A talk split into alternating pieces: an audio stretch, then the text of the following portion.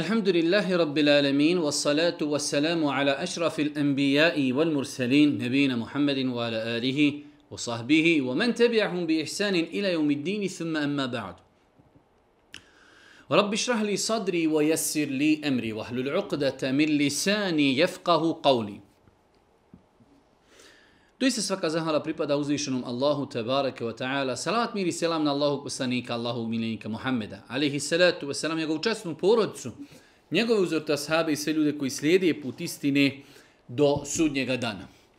Uvažno braću i poštovani sestri, uvaženi gledatelji, Esselamu alaikum wa rahmetullahi wa barakatuh.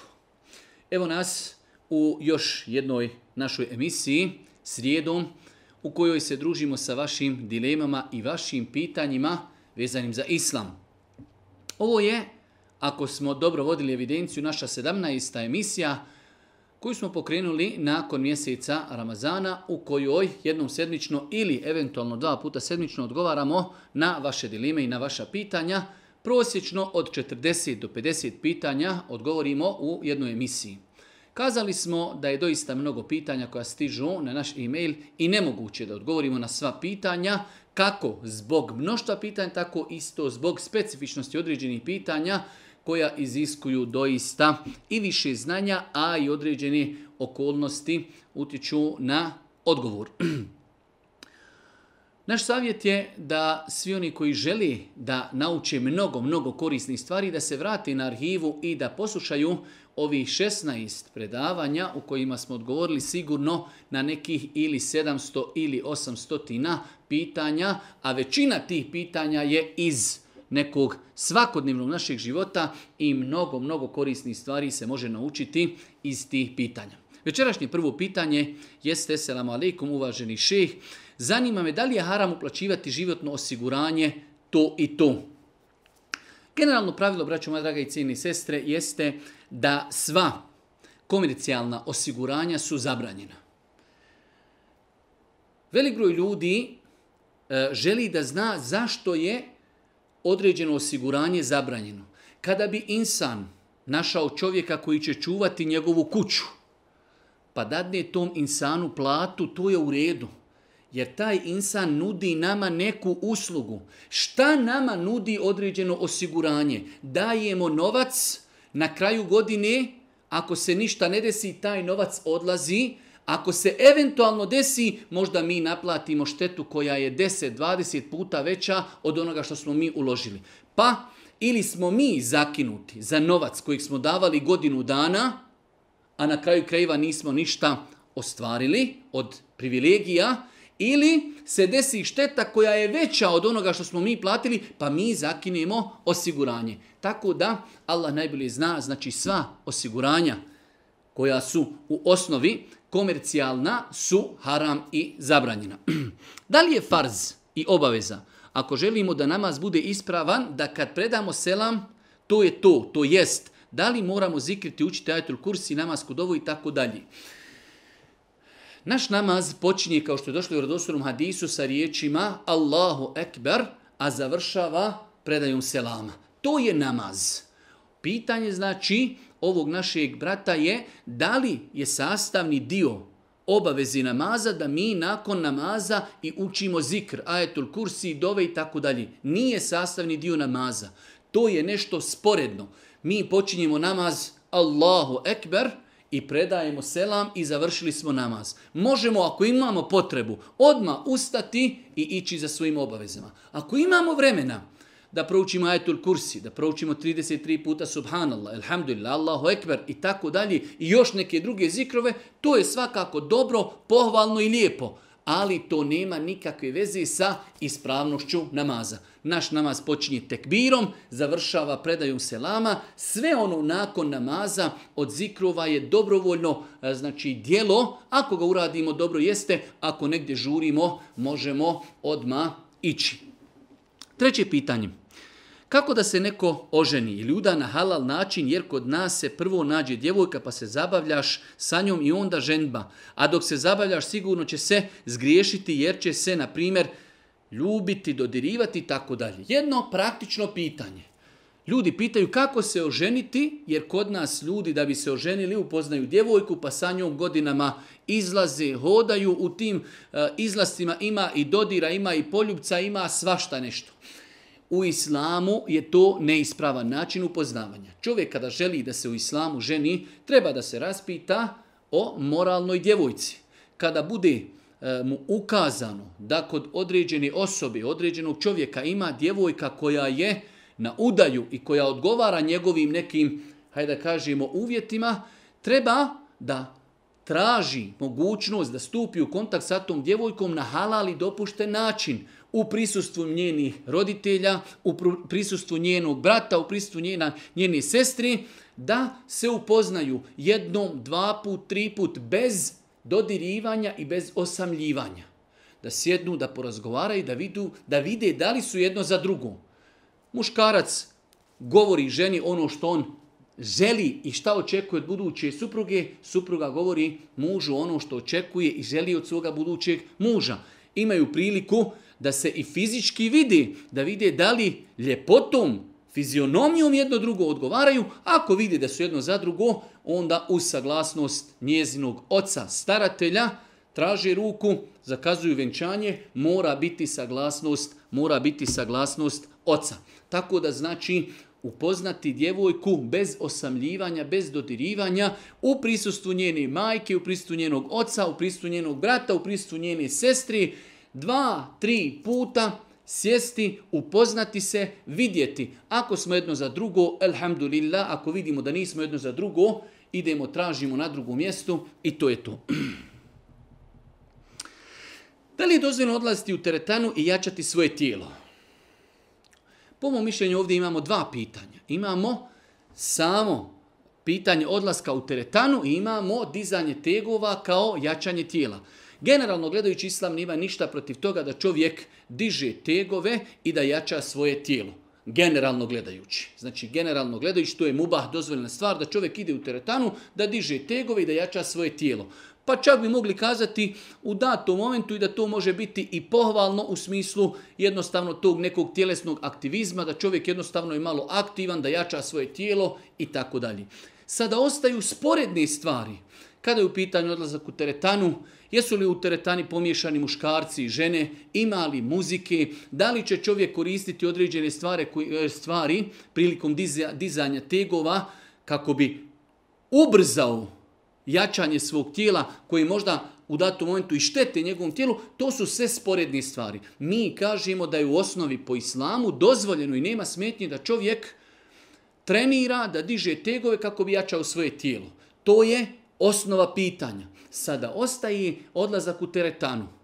Kada će ići, gdje će ići, imaju li žene koje su nepropisno odjevene, imaju li muškarci koji su nepropisno odjeveni, ila, ima li muzike i tako dalje. To su sporedna pitanja kako neko ne bi shvatio da smo kazali može se ići u teretanu. Ne, mi kažemo mogu se dizati tegovi, to je u osnovi inšallah halal dopušteno, može biti i pohvalno, ali ostaju sporedni faktori koja teretana, u kojem terminu, ima li muškaraca, ima li žena, ima li muzike i tako dalje.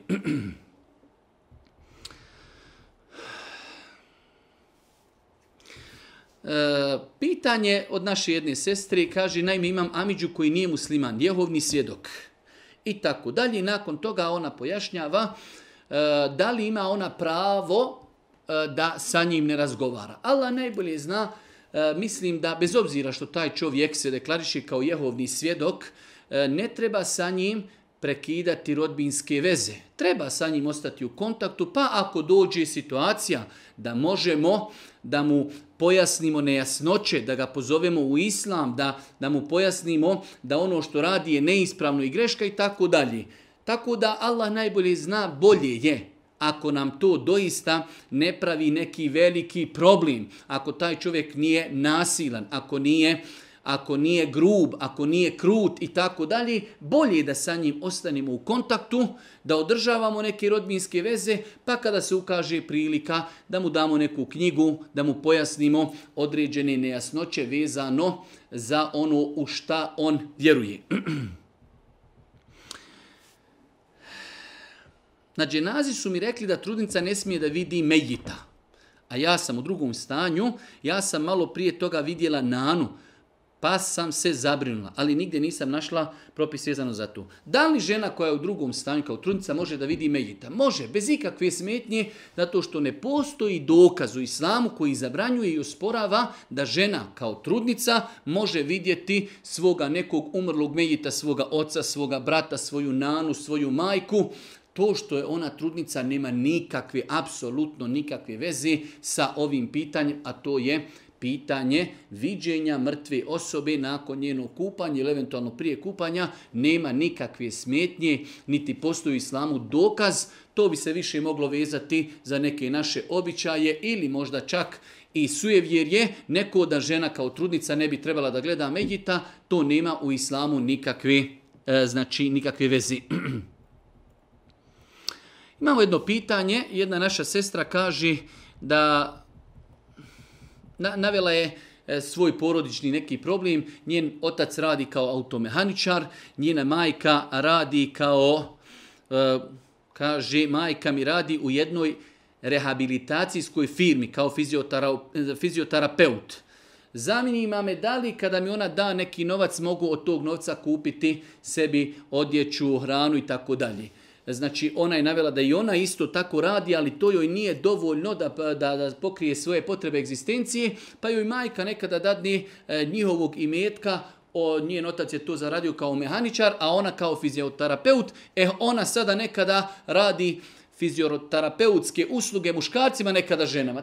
Ja se nadam da je većina tog novca, ako Bog da zarađena na halal način, to što ima dio novca koji nije zarađen na halal način, nadamo se inšala da se iz takvog novca, da se takav novac može uzeti na poklon i da se može od njega uzimati ono što je potrebno insanu od egzistenciji.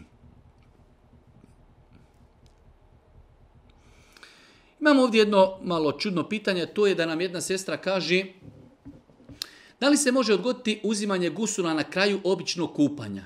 od vas sam naučila kako se uzima potpuni gusev. S tim što bi se ja prvo obično kupala, izašla iz kupatila, spomenula bi smilu, ušla i uzela potpuni gusev. Bukvalno kao dva gusula, prvo tuširanje, e, znači kao neko kupanje, nakon toga izlazak, ponovo bismila i ponovo e, uzimanje gusula. Mislim da je to bespotrebno. Mislim da je to jednu ruku bespotrebno, nema potrebe. Zatim čak su islamski učenjaci govorili, abdes kada se uzima može se ponoviti znači tri puta svaku, e, svaki dio tijela za razliku od gusula, gdje gusul ne treba ponavljati. Gusul, znači, rekli smo kako se čini kada čovjek već uzme abdest, ispravo je usta, ispravo je nos, opravo je spolni organ, sve ono kako smo navodili više puta, nakon toga pere glavu, pere desnu stranu, lijevu stranu i to je dovoljno. Tako da e, otići se istuširati, pa izići iz kade, pa reći bismila, pa ponovo ući i ponovo uzeti gusul, mislim da je to bespotrebno, nema potrebe, tako da to bi moglo prerasti u određene šubhe, određena vesvese, došaptavanja šetanska, tako da nima potrebe. Zatim, znači mi smo pojasnili, ako je muškarac ili žena, ako želi da uzmu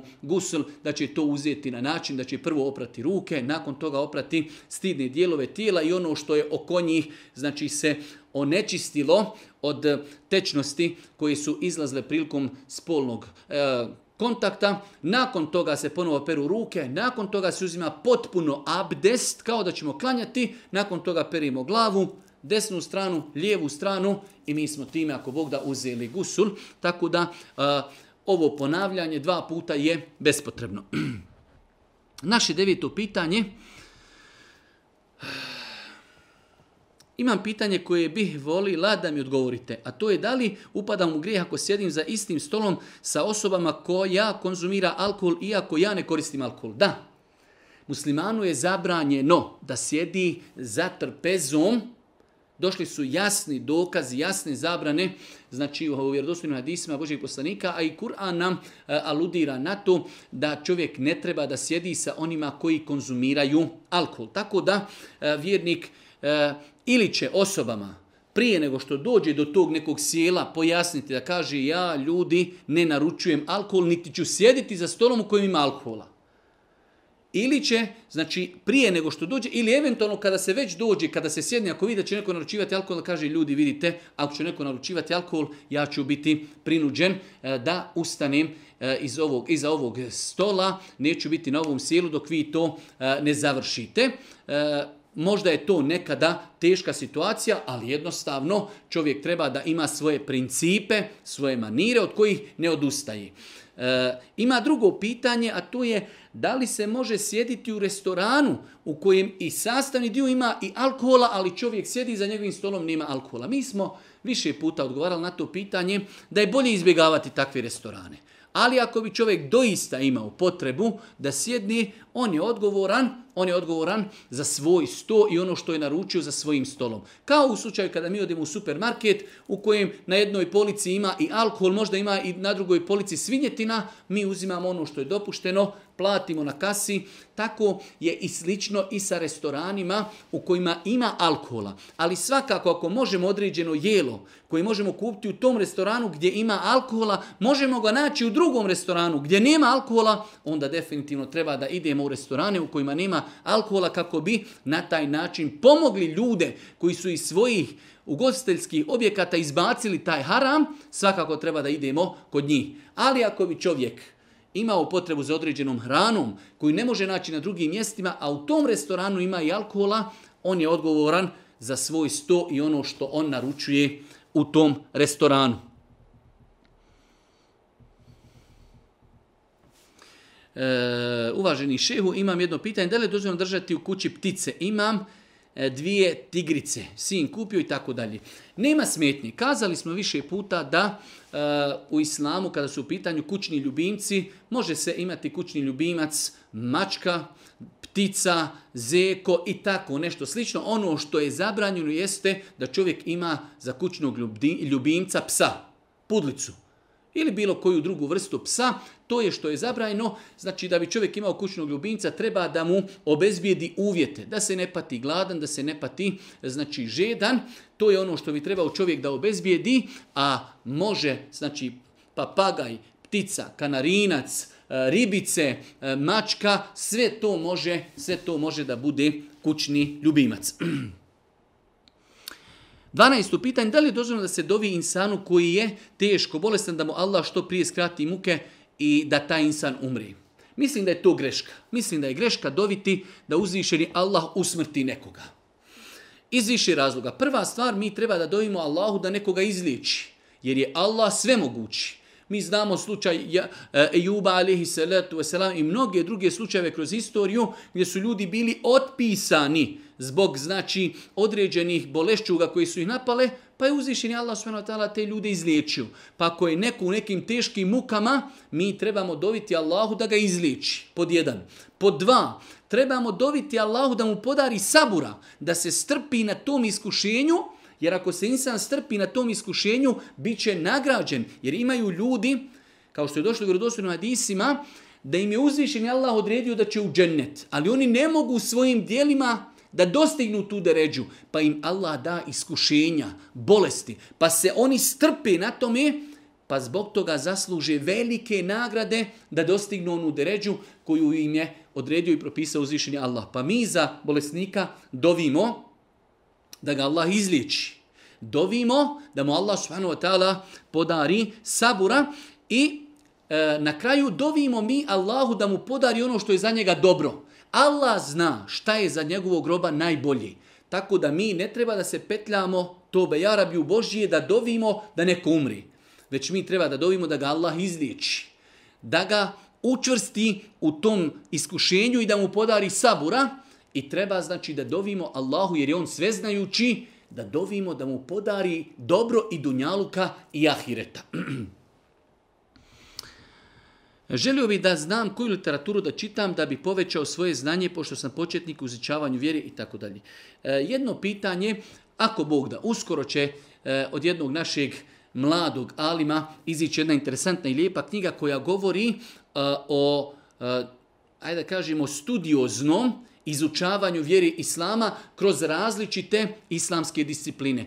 Ali ono što je za početak, znači insanu najbitnije da nauči, i o tome smo nedavno govorili, da nauči svoje vjerovanje. Da pročita 3, 4, 5 nekih osnovnih knjiga koje govore o akidetu, o vjerovanju, o, o imanskim šartima koje vjero, govori o Allahu, koje govori o širku, koje govori o novotarijama, koje govori o dijelima koje izvode iz vjeri. Da čovjek nauči svoje vjerovanje svakako nakon vjerovanja najbitnija stvar jeste u islamu namaz. Da uzme dvije, tri knjige koje govori o namazu, da uzme neke univerzalne dobre knjige kao što je Riyadu Salihin, da iščitava Kur'an, da iščitava hadijske zbirke, Nadamo se, inšala, da je to za jedan početak dosta. A, nakon toga će čovjek proširivati, proširivati svoje znanje. pitanje odnos supruge prema muževom ženskom djetetu iz prvog braka koje živi s njima. Govorili smo više puta o tome da znači ako muž ima dijete iz prvog braka, njegovoj supruzi generalno gledajući nije obaveza. Ona nema obavezu da, hajde da kažemo, bude na usluzi i da izmeti tom djetetu. To je kao vid obavezi. Ali ostaje taj neki... Uh, E, ostaje ta neka moralna strana ako supruga zna da njen muž očekuje od nje, volio bi da ona nju pazi, da je odgaja, ako još ta curica ili to dijete to uvažava, zahvaljuje e, i tako dalje, onda svakako bi trebala supruga da e, znači iz dobročinstva prema svome mužu e, da bude dobra i lijepa prema tom djetetu njegovom iz prvog braka i da ga odgaja, bit će sigurno zbog toga i nagrađena i da joj čini dobročinstvo i tako dalje. Ali ne kao vid, ali ne kao vid obavezi. da li u islamu dozvoljeno kremiranje? Nije dozvoljeno. Mi smo o tome pisali i govorili da islamski učenjaci savrnog duba dali su fetve da nije dozvoljeno kremiranje kremiranje, spaljivanje ljudskog tijela. E, imamo hadise Božih poslanika vjerodostojne koji govori da ljudsko tijelo bez obzira što iz njega iziđe duša ima svoju svetost. Pa je došlo u vjerodostojnim hadisima da je Allah poslanik kazao lomljenje kostiju živog čovjeka odnosno lomljenje kostiju mejita, mrtvog tijela, je kao lomljenje kostiju kada je insan živ. Pa znači, ljudsko tijelo, bez obzira što je duša izišla, ima svoju svetost pa se ne može i neispravno je spaljivati ljudsko, ljudsko tijelo i samim tim su islamski učenjaci kazivali i otvora, otvaranje znači takvih e, pogona gdje će se vršiti kremiranje neispravno i raditi posao znači osobe koja će kremirati e, e, tijela je neispravan u islamu. 16. pitanje, možete li obrati temu stigmatizacija razvedenih žena u društvu? Ja sam pitao a, e, ovu našu sestru šta se time misli, pa je kazala, radi se o tome da na tu grupaciju gledaju kao robu sa greškom. Težak pronalazak partnera i te stvari, tako dalje. Znači, ova sestra želi da se osvrnemo na pojavu prema njenim zapažanjima, znači postoji e, jedno posebno obhođenje prema ženama koje su već razvedene, kao da je to neka roba sa greškom. E, mislim da je to neispravan pristup e, tim osobama može se desiti da osoba koja je razvedena i ima neku svoju mahanu zbog koje je razvedena, ali možda ta mahana nekom je, e, znači, e, budućem njenom mužu ne smeta. Možda je smetala njenom prvom mužu, ali nekom drugom to ne smeta. S druge strane, možda se ta žena razvela radi vjeri, Možda se ta žena razvela radi Allaha subhanahu wa ta'ala, radi sljeđenja sunneta, radi hijjaba, radi nikaba, radi grijeha koji čini njen muž, tako da razvedena osoba u datom momentu može biti e, pozitivnija od neke žene koja nije bila udavana. Zašto? Zato što je ona toliko jaka imanski da je dokazala da je spremna, iako je to teško, ostaviti znači e, brak, samo da bi sačuvala svoju vjeru. Pa je neispravno generalno uzeti e, znači, neko mišljenje i kazati sve razvedene žene su kao neke žene sa falinkom. Neispravno razmišljanje, tako da e, svakako da se potpuno slažem sa ovom konstatacijom, neispravno je smatrati da žena koja je razvedena ima neku falinku. Znači, neispravno, e, to što je žena imala brak, nije više djevica, to je nešto drugo. Ali s aspekta da je to mahana, da je možda razvedena zbog neke, nijekog njenog nedostatka, to je neispravno.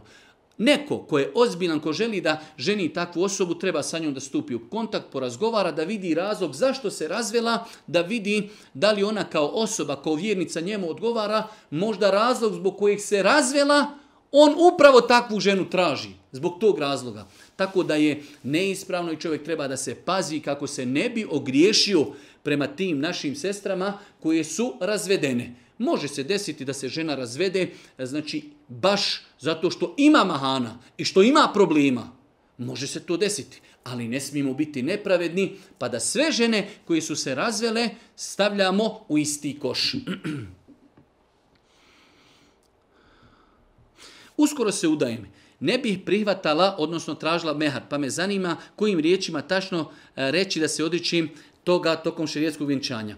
E, Allah najbolje zna, mislim da je ispravno da žena koja želi da se odrekne mehra, prvo treba da sklopi brak i da definišu mehr. Svakako to da to bude neki mehr koji nije velik, jer je Allah poslanik ali se ratu selam posticao žene da ne uzmeju velike mehrove. Ovo govorimo o sestri koja već želi odlučila je da ne želi mehr u braku. Iako sam ja stava da je lijepo da žena uzme neku e, normalnu prosječnu vrijednost, znači kao mehr. Ali ako je već žena odlučila ne želi mehr, treba da se ispuni, znači e, bračni ugovor da se definiše mehr kada se završi vjenčanje, kada ona postane zvanično supruga svom mužu, ona to onda može nakon toga njemu halaliti i reći vidi što se tiče onog mehra, ne moraš mi ga isplaćivati. Ali prilikom bračnog sklapanja, znači braka i prilikom vjenčanja, njih dvoje treba da definišu i da spomenu e, mehr, primjer, da kažu, mehr je 50 maraka, 100 maraka, 1000 maraka, kada njih dvoje znači postanu stvarno i pravno muž i žena, ona to može odmah njemu halaliti i oprostiti. Možete li pojasniti pitanje e, sežde i tilavet? Odnosno, zanima me da li postoji pismen znak, odnosno harf koji označava navedeno. I da li je nepropisno tamo gdje treba da učinimo seždu da je ne učinimo? Ja sam o tome, e, imate na internetu, napisao jednu kraću studiju od nekih 10-15 stranica koja samo govori o propisima koji su vezani za seždu tilavet. U Kur'anu, znači kada naiđete na ajet, kada se uči e, sežda tilavet, imate jedan znak kao, ne znam kako to pojasniti, ali kao neka džamija mala, tako nešto, i sa strane piše seđda. Kada se prouči taj ajet gdje dođe taj znak, sa strane imamo sežda, tu se čini sežda tilavet. Ispravno mišljenje je da ta sežda tilavet je pohvalna, nije obavezna. Tako da, insan kada uči Kur'an, ako učini seždu tilavet, uradio je lijepo, zaradio je sevap, ako ne učini, duboko se nadamo da nije griješan, Zabilježeno u vjerodostojnim hadisima da je Omar radijallahu ta'ala anhu jedne prilike na džumi citirao ajet u kojem je bila sežda tilavet pa je sišao sa mimberi učinio učinio je seždu i sa njim su prisutni učinili seždu. Sljedeće sedmice je citirao isti ajet u kojem je bila sežda, pa su se ljudi uskomešali, htjeli su da uradi seždu, pa je Omer rekao ovaj put nećemo činiti seždu, nije ta sežda obavezna. Čak imamo i rivajete u kojima stoji da Allah poslanik ali se ratu sram sluša učenje Kur'ana gdje ima sežda, pa ne bi učinio seždu. Tako da Allah najbolje zna ispravno je mišljenje da činjenje sežde je pohvalan čin, insan kada uči Kur'an, kada naiđe na ajed ima sežda, učinit će seždu. Ali ako ne učini, nadamo se da nije griješan. Kada čitam Kur'an, čitam ga na sjedenju, okrenut prema kibli. A ponekad zbog dugog sjedenja sjedim na krevet okrenut leđima prema kibli. Da li je to ispravno? Znači, jedan naš brat ili sestra pitaju, nekada sjede, uče Kur'an, okrenut se prema kibli. Ali nekada, tako im je krevet okrenut, sjednu na krevet, i okrenu leđa prema kibli i uče Kur'an. Je li to šta sporno? Nije sporno. Nije sporno znači da čovjek uh, učeći Kur'an okrene leđa prema kibli. Ako čovjek može da bude okrenut prema kibli, dobro i jest, ali ako ne može, ako mu je krevet tako okrenut, nema nikakve smetnje znači da čovjek sjedi leđima okrenut prema kibli i da tako čita i uči Kur'an. E, zanima me je li vjerodostojen sljedeći hadis. Onaj ko ne bude zadovoljan mojom odredbom i ne strpi se na iskušenjima koja mu budem dao, neka traži gospodara osim mene. Pita nas jedna osoba, da li je vjerodostojan ovaj hadis i čak je spomenu dole i ko prenosi ovaj hadis, ali ponovo znači hadis stoji da je Boži poslanik kazao onaj ko ne bude zadovoljan mojom odredbom, znači eh, hadis kuci da je Allah Đelšanu rekao onaj ko ne bude zadovoljan mojom odredbom i ne strpi se na iskušenjima, koja mu bude Allah davao, neka traži gospodara nekog drugog mimo Allaha te barakatala. Ovaj hadis, kao što je spomenuto u pitanju, bilježi imam Bejheqi u Šu'abul imanu, Taberani u El Kebiru i tako dalje. Ovaj hadis Šeha Dani Rahmetullahi Alihi u nekoliko svojih knjiga ocjenio je kao daif i to ne samo daif, čak daif džidden džidden, znači e, žestoko slab hadis.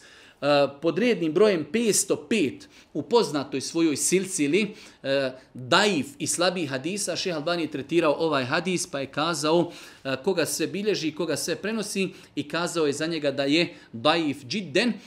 Spomenuo je ocjenu poznatog učenjaka Irakija.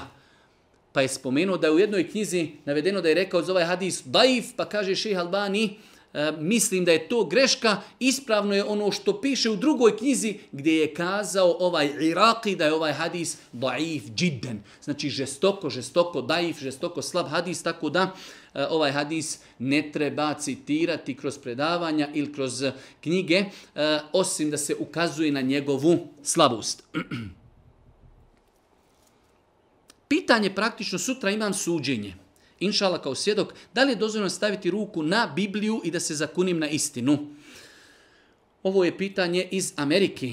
Ako nešta da uradim, e, vjernik bi trebao u sudnici da traži, ako će već da se zaklinje, da donesu Kur'an. Ako već insistiraju da na nešto stavi ruku, onda da insistira da im kaže mi smo muslimani, za nas je Biblija, ako vi vjerujete u nju, vjerujte, za nas je Biblija derogirana.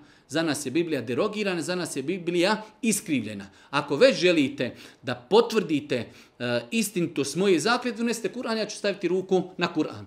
Ako bi to odbili, a usprotnom on mora svjedočiti jer je bitno njegovo svjedočenje, kažu islamski učenjaci savremenog doba, jer je to pitanje savremenog doba, nema smetnji da čovjek stavi ruku na Bibliju, ali da se zakune Allahom, da njegova zakljeta bude zaklinjem se Allahom, da ću pričati istinu, da ću svjedočiti istinu. A to što će staviti ruku na Bibliju, ako Bog da, ne znači ništa. Ako odbiju da prihvate, da donesu mushaf i da stavi ruku na mushaf, prvo će to zatrašiti, ako bi to bilo odbijeno, a on mora svjedočiti, jer je njegovo svjedočenje bitno, onda znači nema inšala smetnje da samo stavi ruku na Bibliju i da se zakuni Allahom da će govoriti istinu. Zanima me da li parfeme, kozmetiku koju sam koristila i sve to, sve što u to spada smijem pokloniti ili prodati osobi koja nije u vjeri, koja te stvari ne koristi u kućnoj atmosferi, nego koristi javno. Uh, Jedno standardno pitanje da nešto što je halal poklonimo nekome ko će to koristiti na neispravan način. Neispravno je da mi šminku ili odjeću ili e, parfem damo nekome ko će to koristiti na ispravan, neispravan način. Razlika je da mi imamo neku sestru muslimanku pokrivenu, mi joj damo taj parfem, pa možda ga ona koristi neispravno. Ali žena za koju znamo da će određenu kratku majicu nositi na polju ili određenu šminku ili određen parfem koristiti na polju, a mi joj to poklonimo, islamski učinjaci su to zabranili. Bez obzira što je roba koju poklanjamo halal i bez obzira što je poklanjanje u islamu e, pohvalno, ali ako znamo da će se to koristiti na haram način, onda nam nije dozvoljeno da to poklonimo takvim osobama. Osim, ako bi zaista vjerovali tim osobima, mi kažemo, vidite, ovo bi ti dao ako ćeš to koristiti na ispravan način. Ako nećeš koristiti na ispravan način, onda nemoj ni uzimati. Imao bi pitanje za mog brata. On je bio svirač i odlučio da se više time ne želi baviti iz vjerskih razloga. Pošto ima muzičke instrumente na kojima je svirao, zanima me da li može prodati instrumente i da li će mu te pare biti haram. Ako je insan uložio novac u instrumente, nakon toga se pokao od svega toga, nije dozvoljeno da proda takve instrumente nekome ko će se opet nastaviti baviti haramom, jer je on opet u jednu ruku bio razlogom da se neko nastavi baviti haramom. Tako da je neispravno prodati, niti poklonuti nekome te muzičke instrumente kojima će se neko nakon toga ponovo baviti haramom. Takav novac, jer je ovdje pitanje da li će mu takve biti haram, pare da.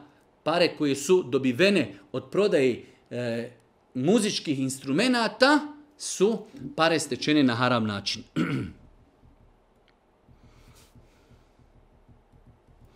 Dvacet peto pitanje. Naime, radi se o promjeni na koži koja traje dvije godine i koja zahtjeva samo mali dio moje ruke. U svakom slučaju pitanje je e, znači, da li određene pojave na koži mogu imati veze sa sihrom. Može se desiti. E, ova ovdje sestra ili brat spominju da su išli kod različitih doktora i svi su davali neke različite diagnoze, ali uvijek ostaje taj problem zdravstveni.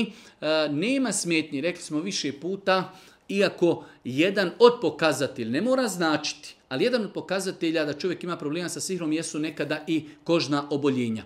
Tako da insan treba da objedini, rekli smo, dvije vrste i dva načina liječenja i dalje da traga za lijekom medicinskim, a isto tako nema nikakve smetnje i da ide na rukiju, da uče zikrove, da koristi ono što je vjera preporučila, da li u pitanju me, da li u pitanju čorekut i tako dalje. Tako da,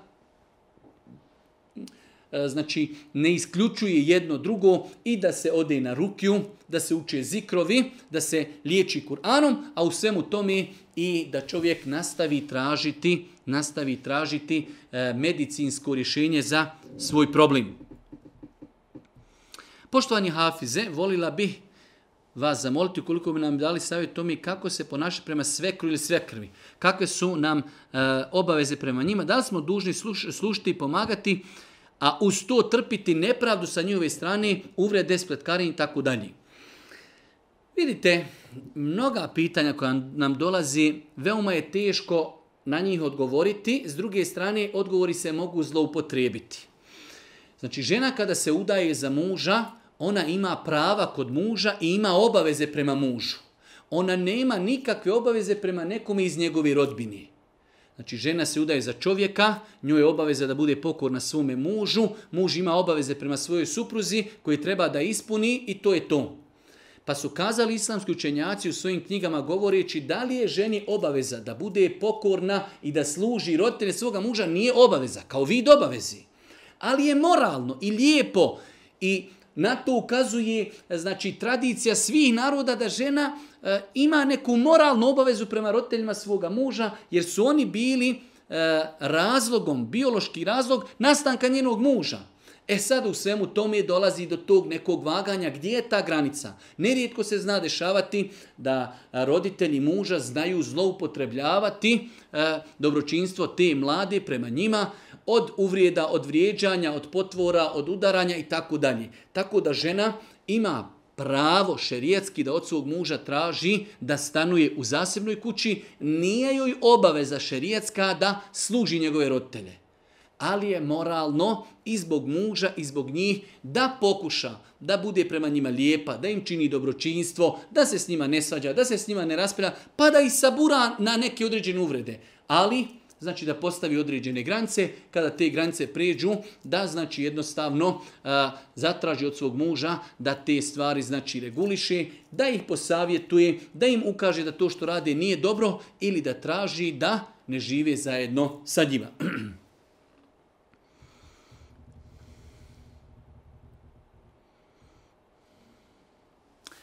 Jedno pitanje, kaže nam jedna naša sestra, u braku sam od 2008. godine, imam dvoje djece, treće na putu i tako dalje.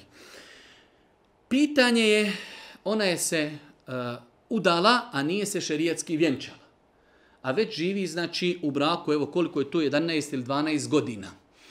Pa je pitanje da li treba ponovo da se sada, nakon što je počela praktikovati vjeru, ona i njen muž, da li treba da se šerijetski vjenčaju? Ovo je jedno izuzetno teško pitanje. I ovakvi pitanja je dosta koja dolazi na našu adresu, koja su izuzetno teška.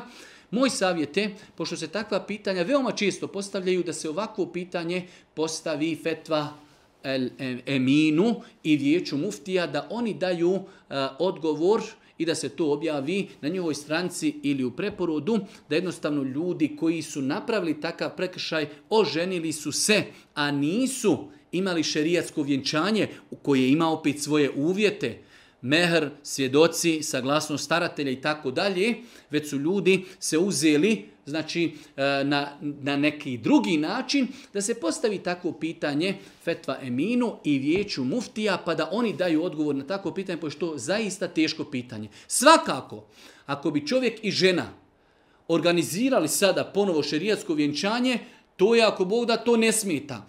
Pitanje je mogu li oni da ostanu, da nastave živjeti i da je njihov brak ispravan. To je, to je znači jedno izvjetno kompleksno pitanje. Allah poslanik ali se zato sam kada smo dolazili ashabi koji bi čovjek i žena primili islam, nikome nije naređivao da obnovi brak. Ali se to radi o nemuslimanima koji su prešli u islam. Ovdje govorimo o jednoj drugoj kategoriji. Ljudi su osnovni muslimani, stupili su u brak na jedan poprilično e, sumljiv način. Nije tu bilo staratelja, ne bilo, nije bilo svjedoka, nije bilo, nije bilo mehra, mnogi uvjeti braka su, uh, hajde da kažemo, izbjegnuti. Da li takve osobe treba da naknado, kada shvate da je to greška, da organiziraju šerijatsko vjenčanje ili ne? Moj odgovor je samo, ako to uradi, neće i pogriješiti u redu. A šta ako ne uradi? Tako da ovo pitanje, zaista jedno teško pitanje, moj savjet je da se postavi, eh, znači, fetva eminu i vijeću, vijeću muftija.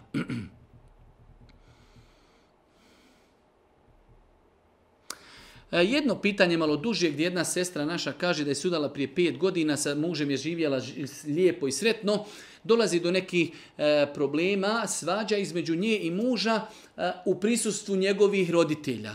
Pa je na kraju došlo do razvoda braka, iako ta sestra tvrdi da voli tog svog muža, zna da i on nju voli, on od nje traži da se vrati, da žive zajedno s njegovim roditeljima, ona od njega insistira da žive odvojeno. Pa sada savjet. Savjet. E, jedno veoma kompleksno i teško pitanje, ja sam inače o tome više puta govorio, nije grije. Ovdje je ona spomenula da njen muž smatra da ako oni odu od njegovi rotine da su griješni. Nije grije ako insan sa svojom suprugom ode da živi, ne živi zajedno s svojim roditeljima. Ali to ne znači da čovjek neće činiti dobročinstvo svojim roditeljima. Živim negdje u komšiluku, dolazim svaki dan, obilazim, činim dobročinstvo i tako dalje ali znači nije to nije grijeh i nije obaveza da se žena uda i da pristane na, tak, na takve uvjete. Tako da ako se može napraviti kompromis, znači da se napravi kompromis, uh, pa da se kaže tim njegovim roditeljima, evo vidite, pokušali smo, vidjeli ste da ne ide, da se sad ne bi ponovo morao ženiti, tražiti neku ženu, daj da odselim sa ovom svojom suprugom tu negdje u komšiluk, živjet ćemo, dolaz ćemo kod vas povremeno, čin ćemo vam dobročinstvo, ali vidjeli smo da znači e, ne ide da ta žena živi zajedno sa nama u našoj kući. To je neki kompromis. E ako taj muž ne želi taj kompromis, onda znači ostaje ili da se razvedu, ili da se razvedu, ili eventualno ta žena popusti u svojim zahtjevima, pa da ide da živi, pa da se strpi na svemu tome što se događa. Nema drugog rješenja. Možete li uh, odgovoriti na, na pitanje izlazak iz kuće džunu posobi? O tome smo više puta govorili, ali evo jedna specifična situacija. Uh, Zaposlena sam i u 6 sati ujutro idem na posao. Jako mi teško i naporno kupanje, odnosno pranje kose nakon odnosa sa suprugom. Imam dugu kosu i tom se često, e, često stvara nesnosne glavobolje, jer legnem na pola suhe kose. Kakva je mogućnost i način da kupanje vršim nakon posla? Naravno, prije i kindije namaza, tada dolazim kući. Ispravno je. Pogledajte kako sebi ljudi nekada mogu otežati stvari, u neznanju. Kod nas je zastupljeno u narodu ubjeđenje da osoba koja je džunup ne smije izlaziti iz kuće ako iziđe da je ona nekakva baksuzna i tako dalje. Što je neispravno. Pogotovo u situacijama kada imamo potrebu. Znači u ovom slučaju žena prije odlaska na posao ima intimni kontakt sa svojim suprugom. Ako se okupa ide na posao mokri glavi, od toga ima jake glavobolje. Vratit će se kući jer ona klanjala već saba. Obavila je alhamdulillah saba na poslu je, vraća se s posla prije ikindije, ima vremena da se okupa i ima vremena da klanja podni.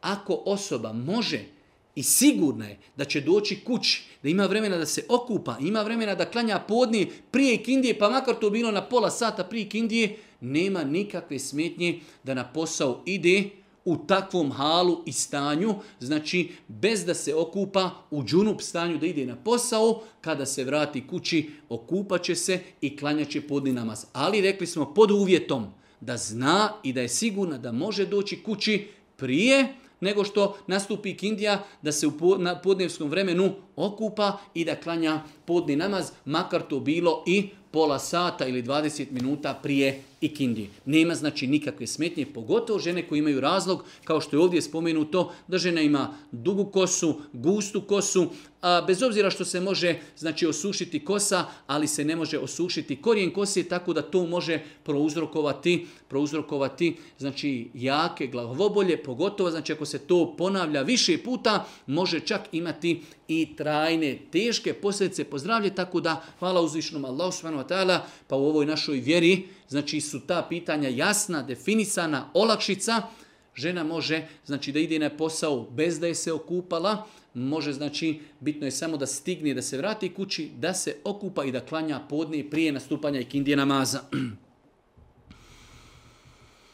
E, pitanje, naime, moja supruga i ja živimo i radimo u Njemačkoj. Primamo platu na zajednički račun i dva imamo ona standardna klasična pitanja. Da li muž i žena rade i dobivaju plate na isti račun? Da li će davati zekijat kada njihov imetak zajednički dostigne nisab ili imetak svakog od njih treba da dostigne nisab? Tačno je da se ta dva imetka ne smatraju kao jedan imetak. Svaki od njihovih imetaka treba da dostigne nisab, pa da pregodini pa da se na njega daje zekat. To što spojen imetak njihov je dostigao nisab, ne obavezuje ih da daju zekat. Ali je bolji ako mogu, ako to zakon dozvoljava, da imaju dva odvojena računa, čisto kako bi im lakše bilo kontrolisati koliko muž ima imetka, koliko nema. Ako nemaju, onda će na osnovu izvoda iz banke znati koliko novca, ako primjer radi imaju 15.000, na osnovu izvoda da znaju, aha, toliko plata, ženinog novca od 15.000 je 9.000, mužev je 6 ili obrnuto i tako dalje. Pa kada svako od njih dostigne nisav i kada pregodini imetak, tada će svako od njih pona osob izdvajati zekjat. Nadam se da je pitanje jasno i odgovor. Drugo pitanje, u ovom pitanju, kada se obračunava nisav, da li se uzima vrijednost zlata ili srebra? Ja sam stava da se e, zekjat izdvaja i nisav u vrijednosti zlata. Došlo je u vjerodostom hadisu da Allah poslanik je rekao Muaz ibn Džebelu, idi u Jemen, pozovi ljude da vjeruju u Allaha, pa ih poduči namazu, pa ih poduči zekijatu, koji će se uzimati od njihovih bogataša, dijeliti njihovoj bjedi. Danas, ako bi rekli da se zekija daje na srebro, znači to je nekoliko, bukvalno stotina maraka. Da li čovjek koji ima nekoliko stotina maraka i pregodinile su, da li je to bogat čovjek? Apsolutno nije. Za razliku od čovjeka koji ima 8, 9 ili 10 hiljada maraka na kamari, koji stoje cijelu godinu dana, to je već imućan čovjek koji nije u dugovima, ima 10 hiljada ili 8 ili 9, shodno znači variranju zlata, ima 8, 9 ili 10 hiljada e, maraka e, u šteđevini. To je već bogat imućan insan. Za razliku od čovjeka, znači ako bi davali e, zekijat na, e, na osnovu nisaba srebra, To bi bilo nekoliko par stotina maraka, za mene takva osoba nije bogata i smatram da je prioritetnije da se zekijat istvaja na vrijednost, na vrijednost zlata.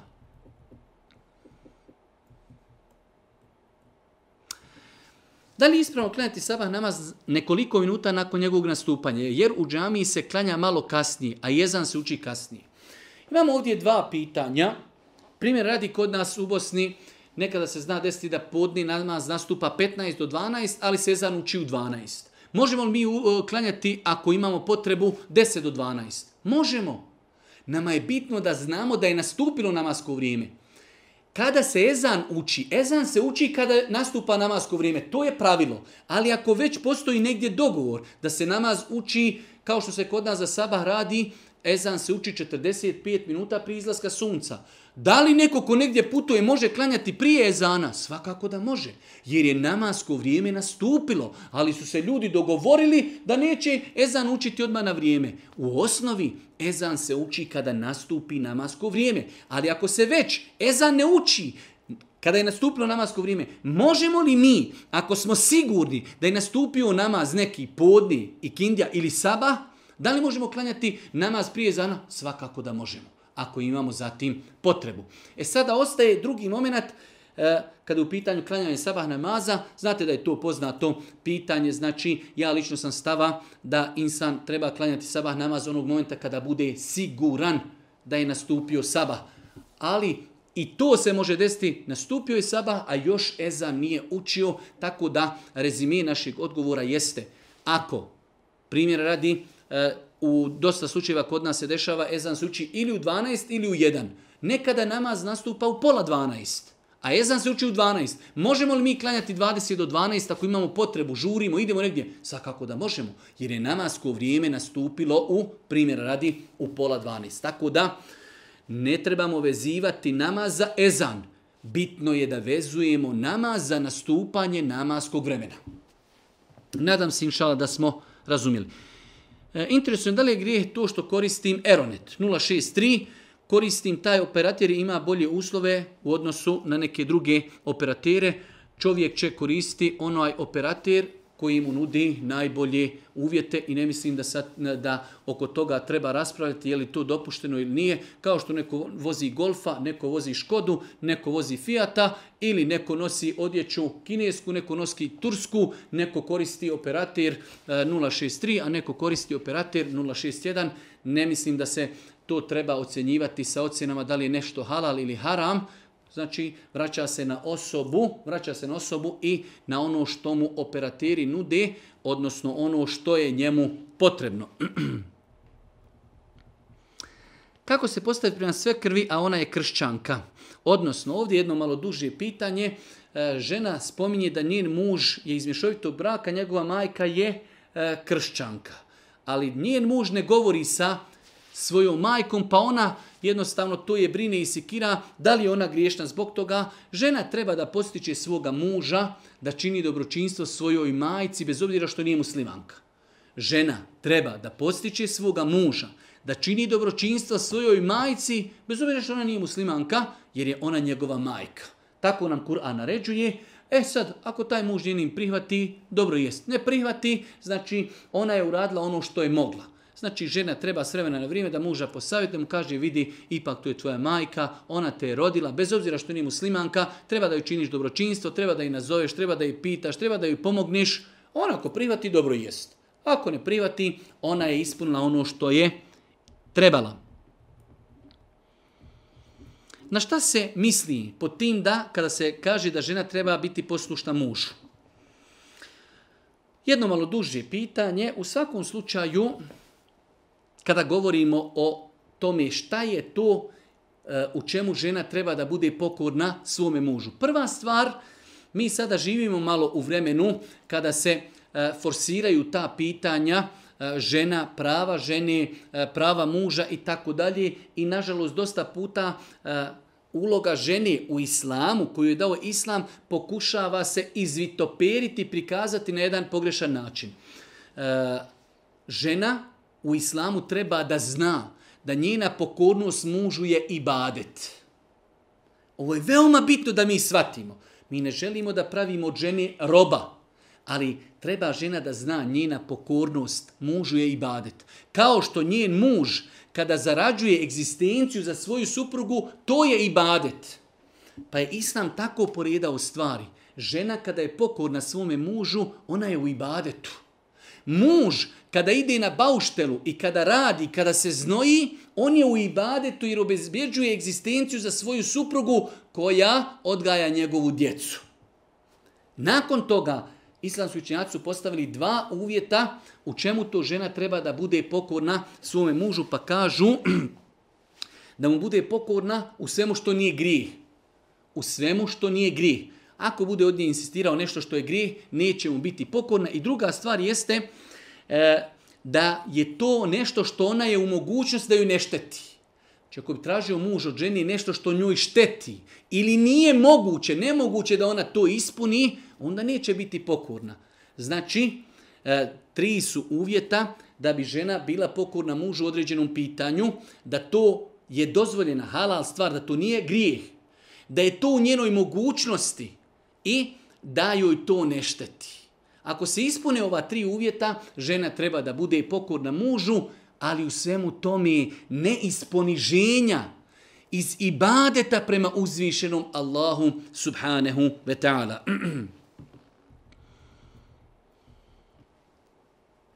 Zbog čega konkretno je muškarcu dozvoljeno brak sa ženom nemuslimankom, ženi je zabranjeno brak sa čovjekom nemuslimanom? E, postoje određena tumačenja islamskih učenjaka u kojima su pokušali da pojasni zašto je muslimanu dozvoljeno da oženi ehlul kitabiku samo. Muslimanima je dozvoljeno da oženi samo kršćanku ili židovkinju. Dok ostali nevjernice nije dozvoljeno da oženi, a ženi muslimanki se nikada nije dozvoljeno udati za muslimana. Postoje određena pojašnjenja zašto, ali mi ne želimo da spominjemo zašto. Mi muslimani vjeru učimo, ako je ovo propis, mi se trudimo da shvatimo da li je određena stvar propis. Ako budemo sigurni da je to propis, onda više ne pitamo zašto. Jer je to od uzvišenog gospodara, zemlje i nebesa, svevišnjeg, sveznajućeg. On je tako naredio. Uzvišeni Allah je naredio da se podne klanja četiri rekiata, akšam tri. A jacija četiri, sabah dva. Po nakušoj logici, Cijelu noć sam spavao, odmarao, ja bi stavio da se akšan, da se sabah klanja 10 rekiata, jer sam najodmorniji. Ne, sabah se klanja dva rekiata farza i dva rekiata sunnita. Pa je to naredio i odredio gospodar. Pa isto pitanje, zašto se žena ne može udati za nemuslimana? Zato što je naredio tako njen gospodar. Zašto musliman može oženiti ehlul kitabiku, kršćanku ili židovkinju? Zato što mu je to dozvolio njegov gospodar i završena stvar. Tako vjernik treba da vjeruje, da se pokori istinski svome gospodaru, iako nevezano za to, rekli smo više puta da islamski učenjaci, iako je dozvoljeno muslimanu da oženi ehlul kitabiku, kršćanku ili židovkinju, da su smatrali da to ne treba činiti zbog posljedica u budućnosti koji će doći u tom braku, a to je odgoj djeci. Kako će žena nemuslimanka odgajati čovjeku dijete u islamu? nemoguća misija. Pa je bolje, bez obzira što je to dopušteno, izbjegavati takvu stvar.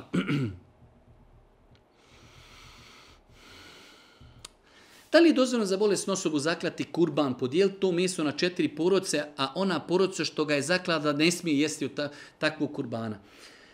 Pogledajte kad insan počne E, ti kurbani su uvijek kroz historiju i prinošenje žrtava bio i te kako širok put uvođenja nekih širkijata i nekih zabranjenih stvari. Imamo čovjeka bolesnog.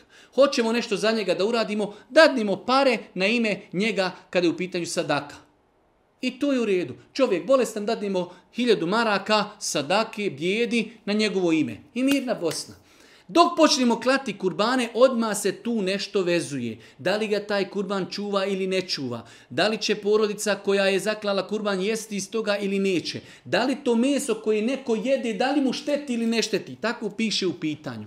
Tako da e, Allah najbolji zna klanje kurbana za žive osobe bolesne, ja lično smatram da treba izbjegavati. Iako, ako bi se desilo, čovjek bolestan je pa kažu daj zakoljite neki kurban, zakoljite neku ovcu, podijelite komšijama kao hediju, pa da se oni zbog te hedije sjeti tog čovjeka koji je poslu, pa poslu je taj i taj, malo je bolestan, pa sjetite ga se u dovi.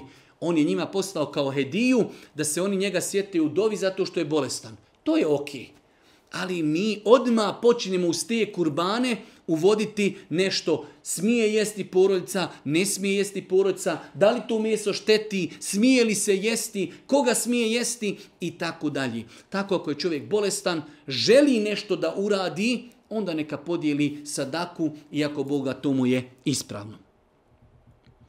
Islam zabranjuje da čovjek drži psa ili čuku u kući. Pošto mi živimo u inostranstvu, većina nas je pod kirijom, a imamo komšije u istoj zgradi koji drže pse. Da li nam je dozvoljeno živjeti u takvim zgradama? Da. Čovjek kada živi u zgradi, on je odgovoran za stan u kojem on živi. Da li iznad njega komšija ima psa ili ne? Da li on gore p, da li on pije alkohol ili ne? Da li bludniči ili ne? To nas ne interesuje. U smislu to je njegova kuća. To što živimo u istoj zgradi je identično kao da živimo u istom naselju. Naša stan je naša odgovornost. Mi naš stan čistimo od onoga što je zabranjeno.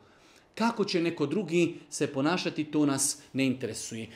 Sad je druga priča što ti e, ljudi koji imaju kućni ljubimce, pse, uznemiravaju druge ljude, Čuko u 12 sati na veće laje, e, Čuko e, uneredio je haustor, Čuko vrši nuždu pred zgradom. To su sad opet neka druga pitanja. Da li ćemo mi imati grije što neko u zgradi ima psa? Nemamo mi sa tim, ako Bog da, ništa. Da li je haram plaćati kiriju? za stan. Ako čovjek nije mogućnost da kupi sebi stan, u islamu postoji jedno posebno poglavlje u knjigama fika koji se zove El Iđara, rentanje određenih stvari. Čovjek zagovori, dođe kod čovjeka i kaže ovaj vaš stan meni odgovara, mjesečna renta je tolika, izvolite, ja živim u tom stanu, tako da je bitno samo da se zna šta se renta i da se zna kolika je cijena, ako su dvije strane saglasne sa tim, ako Bog da to je ispravno. Da li muž ima grijeh ako njegova supruga ne klanja i ne nosi hijab? Muž ima obavezu i odgovoran je za svoju ženu da je savjetuje. Ako je posavjetuje i e, učinio je sve što može, on inšala neće biti griješan. Problem je ako muž ne ispunjava ono što mu je naredio njegov gospodar. Naš gospodar nam je naredio da čuvamo sebe i svoje poroce od dva, tri. Da ćemo biti odgovorni. Pa insan treba da pazi e, na, na E, svoju suprugu, na svoju djecu. Neispravan čovjek, muškarac, glava porodice vidi da supruga čini određene harame da joj ne ukazuje. Da vidi da djeca čini određene harame da im ne ukazuje na to. Treba da ukazuje, treba da reaguje. Tako da i nenošenje hijjaba. Pa su rekli islamski učenjaci, žena koju muž poziva na hijjab pa ga odbije, ima dva grijeha. Grije što ne nosi hijjab radi Allaha i grije što nije pokorna svome mužu pa je mužu obaveza da posavjetuje, da ukazuje, da govori, da reaguje kada vidi određene grijehe, nakon toga, znači, nadamo se da neće biti griješan. Imam pitanje, na koje volila čuti odgovor pitanje, glasi, zašto je islam musliman dozvan da oženi četiri žene? Dozvoljeno je zato što mu je to dozvolio njegov gospodar uzvišeni Allah subhanahu wa ta'ala. Malo prije smo o tom i govorili, znači to su propisi od uzvišenog Allah subhanahu wa ta'ala. Sad ne bi da govorim o poligamiji i uvjetima poligamije. Ko to ispunjava uvjete poligamije. Ali generalno gledajući je propis da muškarac u islamu, ako ispuni uvjete koji su postavili islamski učenjaci u svojim knjigama, maksimalno može u isto vrijeme da ima četiri žene zakonske četiri zene koji njega njegova njihova djeca su njegova djeca e, zakonska islamska šerijatska njegova obaveza da izdržava te žene a kon sutra umri one ga nasljeđuju i tako dalje zašto je to tako zato što je to dozvolio i propisao uzvišeni Allah gospodar zemlje i nebesa sve znajući on zna šta nama odgovara šta nam je potrebno šta je, šta je to što čovjeku odgovara Pa je uzvišeni gospodar dozvolio da muškarac u isto vrijeme može imati četiri žene, nešto što se zove poligamija, pod uslovima koje su definisali jasno islamski učenjaci. Interesuje me da li supružnici koji se razvedu i općinski i šerijetski na ovom svijetu, da li će biti na ahiretu supružnici? Neće biti. Imate žena koje ili muškaraca, on jadnik jedva čeka da se otkači od te osobe ili žena jedva čeka da se otkači od tog muža i nekomu još kaže, e vidi, jesi se ti razio, ćeš ti sa njim biti u džennetu. Pa čovjek možda izvršio samoubistvo. Pa znači, insan onog momenta kada se razvede od ženi, sa njima, sa tim prekidaju njihove, znači, dunjalučke veze u pogledu braka i ahiretski. Pa kažu islamski učenjaci, žena koja se nikad nije udavala ili žena koja je bila udata, bila udata pa se razvela od muža ili žena čiji muž nije zaslužio džennet, završio u džehennemu, te tri kategorije žena Allah Đelšanu će im dati muževe od stanovnika dženneta. Znači žena koja se nikad nije udavala i takva umrla. Žena koja je bila udata pa se razvela. I žena čiji muž nije zaslužio džennet. Otišao za džehennem, takve tri kategorije žena će Allah Žešanu će im dati muževe u džennetu od stanovnika dženneta. Iako kažu islamski učenjaci, jer se može i to desiti, da se žena razvede od svoga muža, ali ga i dalje voli. Ako ona htjedni u džennetu da bude njegova supruga, uzvišeni Allah će joj to svakako omogućiti.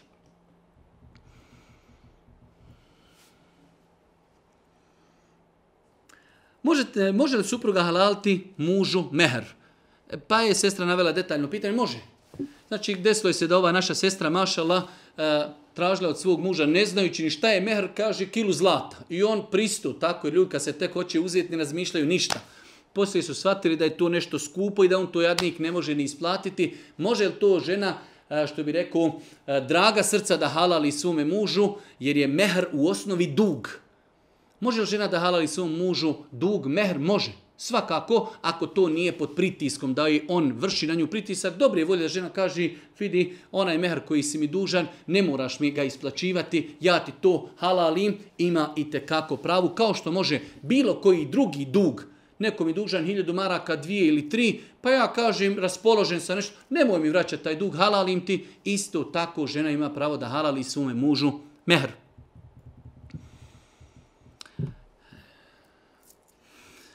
Imam pitanje na seđdi. Nakon što izgovorimo Subhana Rabijel E'ala, može li se učiti dova Rabbi Gfirli, Warhamni, Warzukni, ona dova koja se uči između dvije sežde. Možemo li dovu koja se uči između dvije sežde učiti na seždi? Zašto da ne možemo? Zato što je e, vrijeme seždi, vrijeme dovi. Ova dova koja se uči između dvije sežde je izuzetno e, korisna. E, sveobuhvatna dova rabbi gfirli, warhamni, wahdini, wajburni, warzukni, warfa'ani izuzetno lijepa dova koju čovjek može da uči i na seždi. Nema u tome nikakve smetnje. Kada nakon farz namaza proučim ajetul kursi u džematu, hoću li nastaviti klanjati su sunnete ili da završim s namazom poslije te spiha? Ako čovjek, nije to nešto precizirano, shodno njegovim obavezama, čovjek kada klanja farze, nakon kojih imaju sunnete, dovoljno da prouči ajetul kursi i može se pomjeriti na drugom mjestu i klanjati sunnete. A isto tako nakon ajetul kursi može sazikriti ostali dio zikra, 33 puta subhanla, 33 puta alhamdla, 33 puta Allahu ekber, pa nakon toga klanjati, klanjati sunnete. Sve je to inšala u redu. Možete li objasniti da li u islamu ima utemljenje naš običaj da žena 40 dana nakon poroda sa bebom ne smije da izlazi iz kući? E, nema nikakvo utemeljenje. Nažalost, mi smo o tome pisali na internetu, pa ljudi ne razumiju stvari. Znači, kod nas je običaj žena iskuće ne smije izići 40 dana. S aspekta islama nije sporno da iziđe. S aspekta medicine je nešto drugo. Mi ne govorimo o medicini, mi govorimo o tome da li islam zabranju ili ne. Ako doktor kaže ti ne smiješ izlašt, bolesna si, imaš potrebu, slušaj doktora. Ali mi govorimo s aspekta islama. Da li je haram, da li je sporno, da li je pokuđeno ako bi žena 15 dana nakon poroda izišla do prodavnice ili negdje otišla, nije sporno. Da li joj šteti zdravstveno ili ne, to će pitati doktora. Ali mi govorimo s aspekta islama da nije sporno da iziđi. Da li će izići ili ne, to je njeno pitanje, odnosno pitanje opet medicine, da li joj to šteti ili ne. Zanima me je li muslimanu vjerniku dozvoljen lov radi mesa ili prehrane, a ne kao sport, dozvoljeno. U knjigama Fika imamo uvijek na kraju knjiga jedno poglavlje koje se zove kitabu Said, poglavlje lova. Od vremena Božih poslanika, ali se letu selam, ashabi su se bavili e, lovom i znači izrečeni su mnogi hadisi Allahog poslanika, ali se letu selam, u pogledu lova. Tako da pogotovo ako se lovi iz potrebe, sad ovdje govorimo samo s aspekta islama, u svemu tome čovjek će svoj lov uokvirit u organiziranje lova na prostoru gdje on živi, znači pra, pridržavat će se pravila koja mu nalaža, nalije, e, nameći društvu u kojem živi, lovačko društvo, država, općina i tako dalje. Ali s aspekta islama, je li dozvoljeno čovjeku da lovi, da obezbijedi sebi e, meso, putem lova, da, svakako postoje propisi e, izgovara, bis, izgovaranja bismile, korištenje pasa, pucanje i tako dalje. To su znači jedno veliko poglavlje u fikhu, poglavlje lova. Moj savjet je svi oni koji se bavi lovom trebaju da poslušaju jedno, dvoje, troje predavanja koja govori o propisima lova, da ne daj Bože ne bi napravili određenu grešku, možda e, koristili meso kojim nije halal jer ga nisu lovili na ispravan način. Ali generalno gledajući, je li dozvoljeno muslimanu da ulovi životinju koja je jestiva životinja i da od toga znači, konzumira njeno meso, generalno jeste sa određenim uvjetima o kojima mi ovdje ne možemo govoriti zbog skućenosti s vremenom. Posljednje pitanje, kada čovjek putuje na dalji put autobusom, na putu koji traje neki 18 sati i nije u mogućnosti da obavlji namaz stojeći, recimo ako vozač ne pravi pauzu u vrijeme namaza i slično, da li ispravno klanjati sjedeći u toku vožnje i kako se okrenuti prema kibli i tako dalje. Eh, imamo jedno poznato pitanje, to je da ljudi kada se vozi autobusima imaju problem što nekada putovanja traju duže i nema pauza. Pa mi kažemo sljedeći. Čovjek koji putuje pogotovo u današnje vrijeme treba da pokuša. Ako putuje više od 80 km, on je musafir. Što znači, bilo koja pauza da se zaustavi, njemu je dovoljno kao musafiru da spoji podne i kindiju po dva rekiata, dovoljno mu je 4 do 5 minuta. Ako se zaustavi autobus, pravi se pauza, iziđe, pored autobusa prostrije sebi jaknu ili serđadu, putem mobitela vidi gdje je kibla, Allahu ekber, dva rekiata podne, dva rekiata i kindije, dovoljno je 5 minuta da čovjek klanja. U redu. Tako bi trebalo da bude. Može se desiti da autobus pravi pauzu u 11 i više ne pravi pauzu do 6 sati, a prošlo je i podne i kindija. Šta ćemo u takvom slučaju? U takvom slučaju će čovjek klanjati podne i kindiju, znači u autobusu onako kako autobus ide. Klanjaće sjedeći, znači kada bude na ruku, malo će se nagijeti, kada bude na seždi, pogeće se još malo više. Znači ovo samo u slučaju ako autobus ne pravi pauzu i oba namaska vremena prolazi. Ako, im, e, ako autobus pravi pauzu u ikindijsko vrijeme, tada će čovjek ikindiju odgoditi i klanjaće je, podne će odgoditi i klanjaće zajedno sa ikindijom. Ako autobus pravi pauzu u podnevno vrijeme, onda će ikindiju pomaketi i klanjaće zajedno sa podni. Znači, ako se vozimo u autobusu, trebamo iskoristiti vrijeme pauza, Pa, znači, spojit ćemo ako putujemo dalje od 80 km, ako se zaustavi nakon što je nastupilo podne, spojimo podne i Kindiju i mi smo do Akšama mirni.